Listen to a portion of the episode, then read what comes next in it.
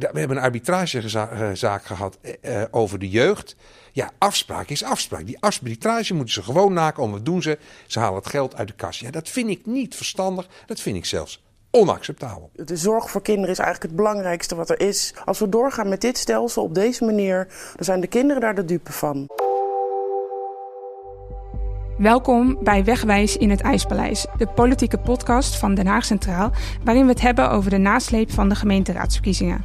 Dit is aflevering 4, de Fata Morgana van de jeugdzorg. Ik ben Mieke van Dixhoorn en we zitten op onze redactie in het centrum van Den Haag. Vandaag is de eerste van drie thema-afleveringen over de grootste uitdagingen voor gemeenten. Hoofdpijndossiers. De eerste die we bij de hoorns vatten is jeugdzorg. Sinds 2015 is de gemeente verantwoordelijk voor de jeugdzorg. En het idee daarbij was: als we het dichterbij organiseren, wordt de zorg beter en zijn we vaker sneller bij. En, bonus, dan wordt het ook nog goedkoper. Want tegelijkertijd met deze enorme operatie werd ook een flinke bezuiniging doorgevoerd. Nu, na zeven jaar, staat het er niet best voor. Volgens de inspectie is de decentralisatie van de jeugdzorg mislukt. Het Rijk en gemeentes hebben flinke ruzie over de financiering van de jeugdzorg en ondertussen liggen plannen om de jeugdzorg te hervormen stil. Het gaat eigenlijk alleen maar over geld. Voor dit onderwerp heb ik voor het eerst twee gasten bij mij aan tafel. Te beginnen bij Irene Niesen. Zij is onderzoeker bij Anderson Elvers Felix en houdt zich vooral bezig met het sociaal domein. Irene, welkom. Dankjewel. Dank dat je hier wilde zijn. Vind je het goed als we je en jij tegen elkaar zeggen? Zeker, graag zelfs. Mooi zo. En aan de andere kant zit Hanna Hollestelle, voorzitter van EXPEX, de Club van Ervaringsdeskundigen in de Jeugdzorg. Hanna werkt als ervaringsdeskundige bij Parnassia en is ook voorzitter van Jong Doet Mee. Ze studeert politicologie en zit in de expertcommissie Jeugd Mind. Zeg ik dat goed? Zeker. Mooi zo. Hanna, welkom. Um, vind jij het ook goed als we je en jij zeggen? Heel graag. Laten we um, even voor iedereen bij het begin beginnen. In 2015 werd de gemeente verantwoordelijk voor de jeugdzorg. Hoe ging dat? Ja, het, uh, eigenlijk meer wat daarvoor zat. Daarvoor ja. zat jeugdzorg verspreid over drie verschillende wetten en vier verschillende financiers. Uh, en die praten eigenlijk niet zo met elkaar. Dus er was een aanleiding om inderdaad de jeugdzorg naar de gemeente, bij de gemeente te leggen, om het ook echt in één hand te leggen. Um, dat ging destijds met best wel wat chaos gepaard. Mm -hmm. uh, dus het was niet heel duidelijk hoeveel kinderen het precies omging, hoeveel geld het precies omging. Daar is wel heel erg hard aan gewerkt om inzicht in te krijgen, zowel door het Rijk als gemeente. Maar uiteindelijk op 1 januari 2015 uh, hadden gemeenten nog steeds niet alle kinderen in beeld die eigenlijk onder hun vielen. Daar is af en toe echt in de loop van 2015 nog wel zicht op gekomen. Oké, okay, dus het was uh, moeilijk om echt overzicht te krijgen. Het was wel echt pittig voor gemeenten, zeker zo in het begin. Ja, en um, in theorie zou die decentralisatie dus ook een bezuiniging hebben moeten opleveren. Uh, is dat ook, pakt dat ook zo uit? Nou, je, je zei het uh, net al een beetje zelf. Ja. Nee, de kosten zijn in de afgelopen jaren alleen maar gestegen. In het eerste jaar uh, kwamen ze ietsje lager uit dan begroot, maar de bezuiniging liep nog op in de jaren daarna. En sowieso ook in het eerste jaar was dat, nou ja, uh, ook al niet een uh, enorm bedrag. en wat er in de afgelopen jaren gebeurd is, dat die kosten eigenlijk steeds verder zijn toegenomen. dat hebben we in 2019 onderzocht. Toen was er een tekort van 1,7 miljard, ja. wat op een budget van 4 miljard echt gigantisch is. Um, en er was nog niet echt zicht op nou ja, dat dat af zou buigen of minder zou worden. Er is daarna natuurlijk nog een coronacrisis overheen gekomen, waardoor sowieso alles schoof. Uh, dus ja, dat uh, uh, is niet helemaal zo uitgepakt. Nee, nee, precies. En het idee wat erachter zat, als het um, dichterbij is, dan wordt het ook goedkoper. Dat, dat klopt ook niet altijd, toch? Nee, uh, nou, en dichterbij is nog één ding, want nou ja, wat, wat is dichtbij? Uh, ja. De gedachte was vooral als je er eerder bij bent, wordt het goedkoper. En de gedachte was, je, uh, als je er vroeg genoeg bij bent, dan voorkom je zoveel ellende later. Die, en die ellende, daar hoort zoveel dure hulp bij, dat het net ook goedkoper wordt. Ja, het worden, hou het op simpelere problemen en dan wordt het makkelijker op te lossen. Dat was de gedachte. en soms klopt dat ook, want soms is het zeker waar dat als je er eerder bij bent, dat het dan iets oplost. Um, maar heel vaak is dat niet zo. En dat heeft eigenlijk twee redenen. Uh, ten eerste, uh, het alles in de jeugdzorg is gewoon heel ingewikkeld. En de, de hele gezamenlijke wetenschap weet vaak ook niet wat het beste traject is om een kind te helpen. Ehm, dus wat je eigenlijk krijgt is als je met een gebroken been naar het ziekenhuis gaat, dan weten ze eigenlijk wel wat ze moeten doen. En, en dat, dat is wel te repareren. Dus 9 van de 10 keer gaat dat goed. De tiende keer heb je misschien een beetje complicatie, maar komt het over het algemeen ook nog goed. Bij de jeugdzorg is het bijna andersom. Dus 9 van de 10 keer zit je eigenlijk net niet in het traject dat, dat jou echt optimaal helpt. Nou, 9 van de 10 keer is wel, wel heel veel, maar best wel vaak niet. Gewoon omdat niet duidelijk is wat wat helpt? Bedoel, dit zijn problemen die zitten in het. Wat gebeurt er in het hoofd van kinderen? Wat gebeurt er in relaties tussen kinderen, ouders en de rest van hun omgeving? Dat is gewoon hartstikke ingewikkeld. Dus er zijn ook geen eenvoudige oplossingen hier. Um, en daarmee is dus er eerder bij zijn. Soms lost dat het helemaal niet op. En andere keren heb je juist de problemen dat uh, er eerder bij zijn ervoor zorgt dat je kinderen hulp geeft die dat anders helemaal niet nodig hadden gehad. Iedere puber is ingewikkeld, en heeft een ingewikkeld leven, dat hoort erbij. En bij de meeste pubers waait dat weer over. Je weet alleen aan de voorkant niet bij welke puber het gewoon weer na een jaar op zijn pootjes terechtkomt. Uh, en bij welke het uiteindelijk helemaal van de band gaat lopen. Dus er eerder bij zijn zorgt vooral dat je uh, veel meer kinderen hulp gaat bieden, terwijl van lang niet al die kinderen duidelijk is of die hulp nou helpt. Dat is één kant van het verhaal. De andere kant is natuurlijk dat er bij sommige kinderen het wil je gewoon alles doen om te voorkomen dat ze in zo'n vreselijke situatie komen. En dat is dus geen geldkwestie, want die geldkwestie is nogal duidelijk. Gemiddeld, als je overal eerder bij wil zijn, wordt het duurder. Maar dat is geen reden om er maar mee te stoppen natuurlijk. Want dus die jeugdzorg, ja, het loopt van hele lichte problematiek, uh, paar gesprekken bij een psycholoog of dyslexie, of uh, tot echt super heftig. Uh, van inderdaad kinderen met suïcideneigingen tot hele ernstige beperkingen die daardoor agressief kunnen worden. En uh, zonder dat die kinderen daar zelf iets aan kunnen doen. Ja. Uh, of inderdaad kinderen die, die zeg maar uit vreselijke situaties met, met kindermishandeling komen. Um, dat zit er allemaal in. En een deel wil je gewoon maatschappelijk. Het is een hele grote bak. Ja. Het is een enorme bak. Herken maar jij... daar weet Anna, Herken... nog veel meer op over dan ja. ik. Herken jij het, Hanne? Um, ja, zeker. Ik bedoel van, uh, ook als jongere zelf of als kind zelf in de jeugdzorg. Ik heb zelf ervaring in de jeugdhulp. Um, kan het ook heel erg wisselen. Um, eigenlijk tot welke bak je op dat moment behoort en welke zorgbehoefte je hebt. Yeah. en als we zeker dan kijken naar bijvoorbeeld preventie. Preventie is een heel breed begrip. En zoals net al werd uitgelegd, ja, je wil ergens een vinger aan de pols houden en kijken dat problemen niet erger worden. Maar om nou precies goed in te schatten wat iemand nodig heeft, dat blijft moeilijk. Het is op dit moment, nou, ik weet niet of dat überhaupt mogelijk is, maar het is geen exacte wetenschap. We weten, we kunnen niet zomaar een gips uh, om iemands been of iemands hoofd doen. Dat gaat gewoon niet werken. Um, in mijn eigen ervaring bijvoorbeeld, um, ja, toen ik een jaar of dertien was, ging het ook niet goed. Ging niet goed thuis, ging niet goed op school. En ik heb inderdaad, nou, toen de tijd, wat je denk ik toen preventie zou noemen, en wat nu nog steeds preventie dan is, ook wel verschillende trajecten gevolgd. Dus heb ik een assertiviteitstraining gevolgd. Um, ik heb wat ja, lichte contacten met schoolmaatschappelijk werk uh, gehad. Maar tegelijkertijd werd er ook uh, steeds meer zwaardere hulp ingeschakeld. Uh, kwam ik in trajecten terecht die ja, vrij ehm, ja, recht toe recht aanwaarden, waar ik op dat moment eigenlijk helemaal niks aan had. Um, wat ik op dat moment nodig had, was eigenlijk een soort van heel erg flexibele opschaling. Uh, dus de ene keer had ik misschien wat meer nodig en ook ja. wat meer specialistischere hulp. En de andere keer had ik juist uh, wat minder nodig en was die assertiviteitstraining prima. Maar we zijn zo erg bezig met, uh, met het inrichten van ja, de preventie en de jeugdzorg in hele duidelijke structuren, zodat we het meetbaar kunnen maken en ook kunnen besparen op de kosten. Dat we eigenlijk vergeten hoe het voor een jongere en voor een gezin zelf is. Daar moeten we meer naar gaan kijken. Wat hebben zij op dit moment nodig? Echt de vraag van de jongeren en de ouders moet leidend zijn en niet het systeem wat we eromheen bouwen. Want uh, het gaat nu heel, heel snel over het geld. En veel gemeentes hebben geen grip op de kosten van de jeugdzorg. En Den Haag ook. Um, en uh, sommige gemeentes gaan, hebben als oplossing om gewoon drastisch terug te gaan in het aantal kinderen wat zij jeugdzorg aanbieden.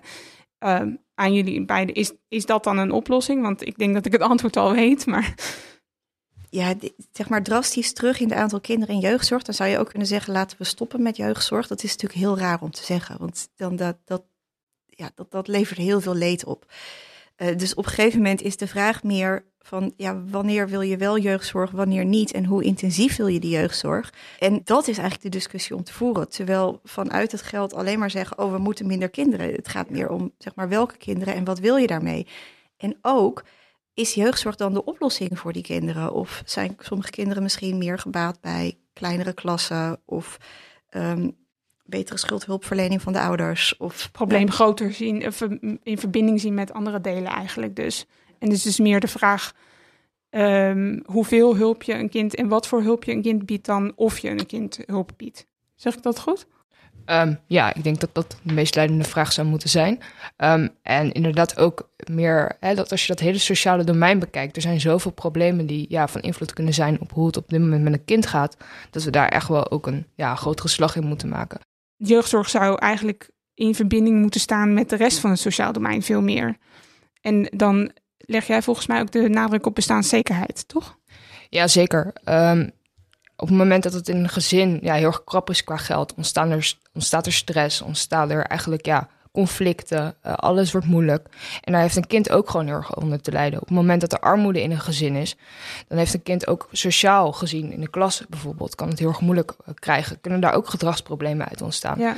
Dus op een heleboel verschillende levensgebieden ontstaan er problemen. En die problemen worden in het huidige jeugdhulpsysteem eigenlijk gekoppeld aan het kind. Het kind krijgt een soort van etiket op van ja, jij hebt een probleem, jij vertoont probleemgedrag. Terwijl het probleem eigenlijk helemaal niet het kind eigen is. Het is het systeem wat op dat moment eigenlijk onvoldoende bestaanszekerheid heeft. Ja. En daar hebben we eigenlijk nog helemaal geen manier voor om daar echt naar te kijken. Um, ik hoop eigenlijk dat we, um, dat is misschien een hele cruwe les, maar als we kijken naar de toeslagenaffaire, waar zoveel kinderen uit huis zijn geplaatst, weten we natuurlijk niet precies de achtergrond van die gezinnen. Maar wat we daaruit wel kunnen zien, is dat die schuldenstress, die stress van alsmaar bezig zijn met eigenlijk gewoon ja, je basis van je bestaan, ervoor zorgt dat gewoon gezinnen eraan onderdoor gaan. En ik hoop heel erg dat we van de toeslagenaffaire en door te kijken met die gezinnen van, oké, hoe kan de hulpverlening voor mensen die ja, in de stress zijn bij toeslagenaffaire onterecht, maar wel, uh, ja, die situatie heeft wel plaatsgevonden. Dat we die kunnen doorvertalen naar de jeugdhulp beter maken. En ook beter koppelen aan dus bijvoorbeeld participatiewet, schuldhulpverlening. En dat we daar gewoon ja, met z'n allen een vuist voor kunnen maken. Want nu kan het gewoon niet. Nu, uh, op het moment dat je bij de jeugdhulp komt, uh, kunnen we eigenlijk al ja, geen schuldhulpverlening gelijk instarten. Terwijl ja, je kan je afvragen, moeten we een hele dure gezinsbehandeling op dit moment inzetten, terwijl de uh, schuldhulpverlening pas over drie maanden start? Ja, waar zijn we dan mee bezig? Ja. Dus dat is ook niet kosteneffectief. Nee, dus we moeten goed kijken waar zit het probleem, waar de gedragsproblemen of de stress vandaan komt. Dat eerst oplossen en dan kijken of het probleem er überhaupt nog bestaat eigenlijk.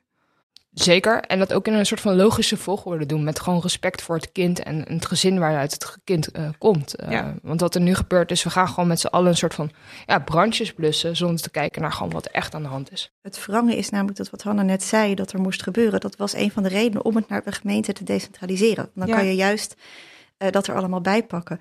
Maar als je in de praktijk kijkt, zo'n schuldhulpverleningstraject om dat te kunnen starten moet je eerst zicht hebben op de schulden. Nou, dat hebben die gezinnen door de band genomen niet. Want nou ja, dit, op een gegeven moment maak je de post niet meer open als dat alleen maar aanmaningsbrieven zijn. Nou, dat kan je mensen ook niet kwalijk nemen. We, ontwijken allemaal wel eens iets dat vervelend is. Zeker. Um, en uh, dus, dus dan is het heel lastig om dat uh, op te starten. Nou is er een soort van landelijke pauzeknop, et cetera. Maar goed, dan moet je nog steeds al die schuldeisers laten weten dat het een pauzeknop is. Oftewel, je moet er zicht op hebben. Ja. Um, en daarnaast is het natuurlijk zo dat gemeenten kunnen heel veel dingen niet doen. Dus als we het hebben over kleinere klassen, daar gaan gemeenten niet over. Als we het hebben over schulden, ja, gemeenten doen schuldhulpverlening, maar het Rijk is de grootste schuldeiser. Dus dit is wel beperkt wat gemeenten uiteindelijk kunnen doen. De gedachte was het moet integraal, dat was zo'n ander stukje wat bedacht was met die jeugdwet en die decentralisatie. Maar in de praktijk um, kunnen ook gemeenten dat eigenlijk niet. Niet op de gebieden die er echt om gaan en waar echt over die bestaanszekerheid gaat. Dus het hele idee van één behandelaar per gezin, is dat dan niet realistisch? Als je aan de achterkant zit, uh, dan kan je dat proberen. Maar dan zit je aan de achterkant en dan ben je, ben je dus eigenlijk geëscaleerde problemen aan het proberen op te lossen. En dan verval je inderdaad snel in brandjes blussen. En in de ruzie tussen het Rijk en de gemeente eh, draait het uiteindelijk toch allemaal weer om geld. Want eind 2020 uh, eh, werd er een onderzoek gedaan waar jij ook bij betrokken was, Irene. Uh, waaruit bleek dat er dus 1,7 miljard euro tekort was in de jeugdzorg. Dat leidde ertoe dat er een stuurgroep kwam die moest gaan kijken naar maatregelen om dat op te lossen. Die zeiden start een hervorming van de jeugdzorg. Uh, om het even een lang verhaal kort te maken. En, maar uiteindelijk is de gemeente toch naar een arbitra zijn de gemeentes toch naar een arbitragecommissie gestapt, omdat het op dat geld toch mis bleef gaan. Ja, dat was eigenlijk al daarvoor. Dus voordat de stuurgroep Sint klaar was met het advies, dat was parallel zijn de gemeenten naar die arbitragecommissie gegaan, omdat het toen al, nou ja, toen al ruzie was. Toen al dusdanig hoog opliep dat, dat ze niet echt een andere oplossing zagen. Dus het advies van die arbitragecommissie, dat kwam echt heel kort na het advies om te starten met een hervormingsagenda. Ja. En de arbitragecommissie heeft dat advies ook uh, bekrachtigd. Dus zij hebben gezegd, er moet tijdelijk, moet inderdaad die, die bijna volledige hoeveelheid geld erbij. Rijk moet gewoon meer geld geven. Zeker. En vervolgens moet je aan een hervormingsagenda uh, gaan werken. Uh, die en de inhoud moet verbeteren. En ook moet zorgen dat het goedkoper wordt. Ja. Um, en uh, nou ja, daar is hard aan gewerkt. En toen kwam er een kabinetsformatie en van uitkomst daarvan. Uh, die zeiden toch, die hebben die arbitragecommissie-advies hebben ze weer naast zich neergelegd. Nou, niet volledig, want het geld zit er nu op zich nog wel in, maar het wordt versneld afgebouwd. En ja. dat was aanleiding voor gemeenten om te zeggen, ja, oké, maar tot dat is opgelost en tot er weer vanuit de inhoud gedacht wordt, zitten wij niet meer aan tafel. Ja, precies. En dat heb jij van dichtbij meegemaakt, Anne. Ja, klopt. Um, ik ben betrokken geweest vanuit cliëntenperspectief, vanuit jongerenperspectief bij de hervormingsagenda. Um, ik zat in een werkgroep die ging over nou ja, leren en kennis, zeg maar, rondom jeugdhulp. Um, ik vond het zelf een heel prettig ja, um, proces waarin echt alle kanten gewoon goed een woord hebben kunnen doen. En uh, we eigenlijk heel goed hebben uitgedacht van wat heeft de jeugd op dit moment nu nodig met alle partijen. Dus het ging de goede kant op? Het ging voor mijn gevoel echt de goede kant op. Echt gewoon een goede basis is er eigenlijk gewoon neergezet in de conceptvoorstellen voor de hervormingsagenda. Ja, alleen toen ineens uh, ja, een nieuwe kabinetsformatie uh, kwam dat gebeuren dat het toch weer extra bezuinigd werd. Of nou ja, gekort werd op een eerder toegezegde ja. extra financiële prikkel. Um, en ja, en toen stortte het weer in. En dat vind ik wel heel erg jammer. Um, Want nu ligt het gewoon stil. Ja, nu ligt het stil, uh, maar niet helemaal. Um, dus um, dat noemen ze de driehoek. Ja. Dat zijn de cliëntorganisaties, uh, de beroepsorganisaties en de werkgeversorganisaties. Uh, werknemersorganisaties, sorry. die hebben nu eigenlijk een nieuw voorstel gemaakt. Je kan het een beetje zien als een soort van korte hervormingsagenda, waarbij ze in de tussentijd terwijl nu zeg maar het Rijk en de VG nog aan het ruzien zijn, toch eigenlijk stap willen zetten om de jeugdhulp te verbeteren. Um, daarbij wordt gekeken naar hè, hoe kunnen we de toegang nou precies verbeteren? Hoe kunnen we ook het cliëntperspectief uh, beter um, eigenlijk overal bij betrekken? Want wat, wat je nu ziet is, nou ja, je ziet bijvoorbeeld de ruzie tussen de Rijk en de VG, dat gaat over geld. Maar waar we het eigenlijk over hebben, zijn over mensen. Ja. Uh, dus dat vind ik heel fijn dat dat er goed gewoon in staat. Um, en ze willen ook gaan kijken van, goh, hoe kunnen we uh, specialistische jeugdhulp nou echt ook gewoon behouden? Wat je ziet is dat eigenlijk alle bezuinigingen van de afgelopen periode uh, hebben geleid op een hele grote druk op, op specialisme. Hè. Enerzijds, we kennen de falen uit de krant van hele ja, heftige casussen die eigenlijk gewoon ja. niet de goede hele hulp kunnen verhalen altijd. Maar aan de andere kant is het ook heel moeilijk om die specialistische zorg goed kunnen blijven financieren. Um, ja, we, proberen alles zo ja, goedkoop mogelijk te doen. Uh, wat ook logisch is, want het, is, het kost allemaal heel veel geld. Maar daardoor verdwijnt eigenlijk kennis, verdwijnt specialisatie uit het veld. Waardoor de kinderen die juist die specialisatie nodig hebben, eigenlijk ze niet meer kunnen krijgen. Want ja, die mensen werken er niet meer, zijn niet meer beschikbaar. Dat soort dingen. Dus daar wordt naar gekeken. En er wordt ook nog uh, gekeken naar um, hoe kunnen we nou ervoor zorgen dat de arbeidsmarkt uh, hè, weer wat vrolijker wordt en weer wat gestructureerder en, en beter um, ja, gaat. Ja.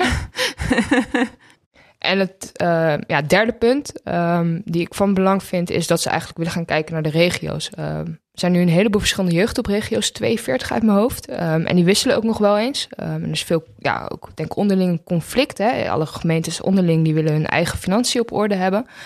Um, maar de vraag is zeg maar of de schaalgrootte uh, voldoende is om ook echt ja, goede jeugdzorg te kunnen ja, bieden. Ja, ze zijn heel erg op zoek naar op welk niveau moet je het nou organiseren ja. om het efficiënt te kunnen doen. Hè? Ja. Dus niet op één gemeente en gemeentes gingen samenwerken en dat werd uiteindelijk een jeugdzorgregio. Ja, klopt. En uh, wat ze nu eigenlijk willen gaan doen is om te kijken of ze de schaalgrootte uh, kunnen vergroten. Uh, dus ze willen nu eigenlijk naar, toe naar minder jeugdhulpregio's. Um, dus zeg maar dat je de jeugdhulpregio's op dezelfde grootte, bijvoorbeeld als de veiligheidsregio's doet, of in dezelfde regio. daar ben ik op zich wel voor, want wat je nu ziet is dat het ja, jongeren eigenlijk nog steeds tussen wal en schip vallen, ook door die regio's. Ehm, het kan bijvoorbeeld zijn dat je net buiten de jeugd op regio uh, op school zit. Ja, dan wordt het alweer heel erg ingewikkeld, want die is ervoor verantwoordelijk.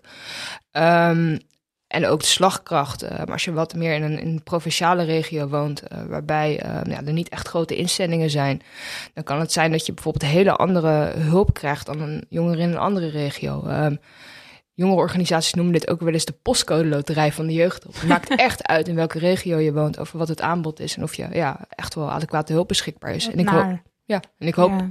Echt dat als je die schaalgrootte kan vergroten, of in ieder geval die regio's kan stabiliseren en die specialisme kan stabiliseren, dat we gewoon ja, kwalitatief betere jeugd op krijgen voor onze jongeren. En als we het dan gaan hebben over de formatie, want daar, daarvoor zitten we hier uiteindelijk. Aan welke knoppen kan de gemeente draaien in de jeugdzorg? Want we hebben het over dat het steeds meer op grotere schaal georganiseerd moet worden. Kan de gemeente daar nog iets aan veranderen? Um, nou, de gemeente kan er natuurlijk wat aan veranderen. Um, ondanks dat ja, veel in regio's uh, wordt geregeld, um, ja, heeft de gemeente nog steeds, of de gemeenteraad nog steeds natuurlijk ja, de mogelijkheid om ja, zijn of haar visie mee te geven aan de wethouder die in de regio namens de gemeente onderhandelt. Ja. Um, hier in de regio Den Haag hebben we bijvoorbeeld nu een regiovisie. Daarin wordt al veel vastgelegd. Um, en wat voor soort dingen staan daar dan in bijvoorbeeld? Dat gaat meer over, um, ja, over hoe de zorg wordt ingekocht, uh, over uitgangspunten, over ja, welke partijen er precies wat doen. Maar eigenlijk wat, wat, wat daar een beetje buiten valt, om het zo maar even te zeggen, um, is de toegang, is, uh, is lokale toegang. Um, dus hoe bijvoorbeeld richt je je jeugdteams in? Uh, hier in Den Haag hebben we bijvoorbeeld een JMO-organisatie, uh, Jeugd en Maatschappelijke opvang, opvang ondersteuning, ondersteuning staat het volgens mij voor. Um, daar kan ja, de gemeenteraad alles over zeggen. Dat is ook zeg maar ja, de basis waarbij de gemeente kan sturen. en dat is juist waar je aandacht voor wilde, toch? Ja, want als we teruggaan naar het begin van wat we ja, hier hebben besproken, dan um, ja, in dat hele preventie, in het begin van zeg maar, het aangaan van jeugdhulp, daar kan zoveel in verbeterd worden. Uh, dus dat is heel belangrijk. Daar kan de gemeente iets op aan doen. Ja, zeker. We, het is denk ik wel duidelijk, het is een lastig onderwerp, de jeugdzorg. We hebben eh, een heleboel nieuwe raadsleden. Heb je tips voor hen? Um, ik heb zeker tips voor hen. Uh, allerbelangrijkste is praat met jongeren om je heen. Je kent allemaal jongeren. Um, en veel jongeren hebben, zoals we weten, ook met jeugdhulp te maken. Maar hebben ook bijvoorbeeld vrienden of, of kennissen die met jeugdhulp te maken hebben. Dus begin daarmee met praten. Um, maar um, bedenk je ook dat um, als je echt hebt over jongeren met ervaring in de jeugdhulp. Um, en als je daar meer van wil leren, dat je ook echt met hun in gesprek moet. Uh, dus je kan bijvoorbeeld bij een instelling vragen of je langs kan gaan. Om daar met jongeren te praten over wat voor hen nou belangrijk is. Uh, wij vanuit Jong Mee hebben een hele groep jongeren vanuit experts die daar ook ja, over kunnen praten, over willen reflecteren. En echt heel goed hun belang kunnen uh, vertellen. Um, maar het allerbelangrijkste is eigenlijk, verdiep je eigenlijk in, in de leefwereld van ook bijvoorbeeld ouders. Uh, praat daarmee. Kijk wat zij nodig hebben. Um, Ga verder dan de papieren werkelijkheid eigenlijk. Zeker, begin met het gesprek. Daarnaast um, vind ik het ook heel belangrijk echt dat je wat meer uh, specialiseert um, in bijvoorbeeld de toegang. Ja, dus waar jij zei dat de gemeente juist op kan sturen. Dus die, de, toegang en het preventiedeel van de jeugdzorg. Zeker, want als we nu aan jeugdhulp denken, dan denken we toch vaak aan bijvoorbeeld een opnamelocatie. Of jongeren die in een pleeggezin zitten. Of jongeren die op een andere manier zwaardere jeugdhulp uh, ontvangen. Um, en dat is ook zeker een hele belangrijke groep. En die moet je ook absoluut niet vergeten. Ook niet op het moment dat je eigenlijk ja, je gaat verdiepen in de leefwereld.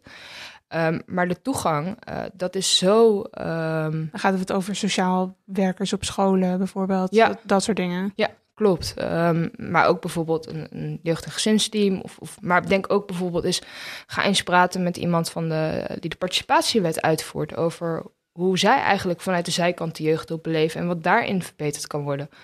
Dus dat vind ik heel erg belangrijk. Dankjewel, Hanna. Uh, Irene, wil jij er nog wat aan toevoegen? Ja, ik denk heel erg, uh, nou ja, hetzelfde als Hanna, verdiep je erin. Uh, maar daarbij ook nog wel de notie, er zijn geen eenvoudige oplossingen. Dus iedere eenvoudige, briljante oplossing, uh, de ei van Columbus, dat je bedenkt als raadslid, daar zitten waarschijnlijk nog 15 mitsen en maren aan. En juist door je daarin te verdiepen, kan je echt iets betekenen voor de jeugdzorg. Ja, dus verdiep je erin, ga het gesprek aan en denk niet te makkelijk erover. Zeker. Vat ik het zo goed samen? Mooi zo. Nou, uh, dames Irene en Hanna, dank jullie wel dat jullie hier wilden zijn. En dan uh, gaan we nu bellen met Jan over de laatste stand van zaken in de formatie.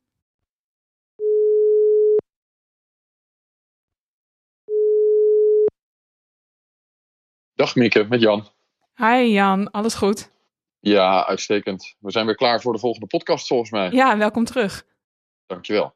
Het laatste nieuws is dat de formatiepoging van Hart voor Den Haag nu officieel is mislukt. Dat is de conclusie van informateurs Oplaat en Boogaard. Maar eigenlijk zagen we dit al ver van tevoren aankomen, toch? Ja, dat klopt. Kijk, Van Asten heeft natuurlijk van D66 heeft natuurlijk voor de verkiezingen al gezegd dat hij niet met Hart voor Den Haag wilde samenwerken. En dat heeft hij na de verkiezingen consequent volgehouden. Dat maakte de opties voor Hart voor Den Haag uh, ontzettend beperkt. Eigenlijk kon men alleen verder, ook nog met de Partij voor de Dieren. Maar die optie die was al vrij snel geblokkeerd na de episode met de uh, keuze voor oplaat als formateur, die zich natuurlijk heel beledigend had uitgelaten over de Partij voor de Dieren ja, in precies. het verleden. Ja, precies. En het gevolg is nu dat D66 het initiatief over mag nemen in de formatie als tweede partij um, van Hart voor Den Haag. En uh, jij vindt, en dat heb je ook in je column opgeschreven, dat uh, D66-leider Van Asten dat heel slim heeft gespeeld. Ja, absoluut. Hij, hij heeft natuurlijk uh, door die zet richting Hart voor Den Haag, eigenlijk Hart voor Den Haag, alvast van het schaakbord geveegd. Ja. De VVD heeft zich daartegen verzet hè, met een openbare brief waarin ze zeiden: ga nou onderhandelen met, uh, met Hart voor Den Haag. Nou, dat weigeren ze. Ja. En eigenlijk stelt de VVD daar niets tegenover. Die zeggen niet van, nou oké, okay, dan is er met ons niet verder te praten. En dat is eigenlijk omdat Van Asten in een ideale positie zit. Hij heeft namelijk twee mogelijkheden. Hij kan over links en hij kan een voortzetting van, het huidige, van de huidige coalitie doen. Ja, ja, en hij kan beide opties over de andere optie laten zweven als uh, drukmiddel eigenlijk. Zo is het. Hij kan eigenlijk inhoudelijk uh, het uitspelen. En dat is ook wel heel interessant, vind ik, om nu te constateren. We hebben gespreksverslagen gekregen van alle partijleiders met deze informateurs. En D66 doet daarin eigenlijk een stevige inhoudelijke voorzet voor het programma van, de, van het volgende college. Wat bedoel ze je? Namelijk, nou, ze geven heel duidelijk aan uh, dat ze voor hen dat er vier hele belangrijke thema's zijn: de groeiende stad, armoedebestrijding, verduurzaming en het verbeteren van de financiële positie van de gemeente. Mm -hmm. Daarbij zeggen ze eigenlijk in feite: we willen de OZB en de afvalstoffenheffing verhogen. Dat wil de VVD willen- absoluut niet. Dat wil de VVD absoluut niet. De VVD wil een gesprek over grenzen aan de groei van de stad. D66 wil dat niet. Dat weten we van de afgelopen periode. Ja. Verduurzaming bij Van Asten, wie hem heeft gevolgd in de afgelopen jaren, weet dat dat betekent meer ruimte voor de loper, de fietser en het OV. En minder voor de auto. Maar Ja. de VVD wil meer ruimte voor de auto. Ja. Met andere woorden, Wordt lastig. D66, ja, D66 speelt dit heel sterk en zegt gewoon: VVD, als jij wil dat ik die optie met jullie ga onderzoeken, dan weet je in ieder geval welke piketpalen wij inhoudelijk slaan. Ja. En dan zul je de heilige huisjes die jullie hebben moeten loslaten. De VVD weet, als we mee willen besturen, en dat is bij de VVD vaak bijvoorbeeld vanuit het idee, we moeten erger voorkomen. Hè? Als het over links gaat, dan wordt het helemaal erg volgens Mhm. de liberalen in de stad. Ja, dan zullen we hier moeten instappen. En er zijn natuurlijk ook allemaal persoonlijke ambities van net opgestarte lokale bestuurderscarrières bij de VVD. En die weten, ja, als we hier dan niet op toegeven, dan heeft Van Asten die optie over links. Dus de VVD staat in mijn optiek vooralsnog een beetje schaakmat. Ja, en want die optie over links die is heel realistisch. Hè? Want in die gespreksverslagen hebben een, heeft een meerderheid aan partijen en aan, eh, eh, ook aan zetels heeft zich uitgesproken voor een links-progressief college. Ja, maar ook daar speelt Van Asten het vrij slim, het spel. Want hij heeft het over dat hij een links-progressief college wil. Mhm. Maar hij laat in het midden welke partijen dat moeten zijn. Dus hij levert zich niet uit aan die linkse partijen. Nee, Dus hij laat eigenlijk die twee opties nog steeds bestaan. Want links en progressief kan natuurlijk ook als de VVD tekent bij het kruisje op die plannen over eh, eh, het verhogen van de belastingen, minder ruimte voor de auto en de groeiende stad als thema van tafel. ja, en dan is de VVD ineens progressief en links. Ja, dus eh, Van Asten heeft het voor het uitkiezen. En hij wil denk ik ook in die linkse optie vooral met het CDA. En niet Kijk. met twee ehm eenmansfracties daar nog in. Kijk, en daar wordt het, daar wordt het weer interessant. Want ook al eh, is hij dan vooralsnog de lentekoning van dit Haagse formatiespel. hij heeft het, wat mij betreft, niet in zijn eentje voor het zeggen. Omdat hij het CDA nodig heeft. Hij heeft het CDA nodig omdat je anders aankomt bij Zeven partijen. Zeven Ja, zeven partijen heb je dan partijen. nodig. en twee eenpitters. SP, HSP en dan ook nog DENK. Dat is eigenlijk gewoon een links-progressief avontuur. Ja, Ik denk dat hij dat niet wil, dus dan heeft hij het CDA nodig. Maar het CDA, ja, oké, al wordt er uh, lokaal vaak gegrapt dat Bredemeijer alles in de uitverkoop zou doen om nog een rondje te mogen besturen. De pijn voor, voor het CDA zal over links heel groot zijn. En doet Bredemeijer dat dus niet, durft je het risico te nemen dat hij mogelijkerwijs dan ook niet in een coalitie komt, dan komt Van Asten misschien wel weer uit bij de huidige coalitie. Omdat het natuurlijk wel erg spannend is om met al die eenpitters en denk dan een college te vormen. Ja, dus hij staat sterk, maar hij heeft niet het monopolie op waar dit gaat eindigen. Oké, nou, blijft dus uh, nog steeds heel erg spannend. En uh, we blijven het volgen. Ja, kijk, het, iedere week verandert er genoeg om gewoon weer hier prachtig vijf minuten met elkaar over te kunnen praten. Dus ik zou zeggen tegen de luisteraars, tot volgende week. tot volgende week, Jan. Iedereen bedankt voor het luisteren. Uh, de column van Jan is zoals gewoonlijk te lezen op www.denhaagcentraal.net. Het thema van volgende week, het volgende hoofdpijndossier, is klimaat. En dat uh, gaan we bespreken met Helene Wening, nu nog directeur van Duurzaam Den Haag. Met haar gaan we het hebben over wat er nodig is aan maatregelen in de stad, waar de knelpunten liggen en wat voor rol de landelijke politiek daarin heeft. Heb je vragen? Stuur ze naar podcast.denhaagcentraal.net. Opmerkingen mogen natuurlijk ook. En voor meer nieuws, reportages en analyses, kijk op onze website, koop een krant of neem een abonnement.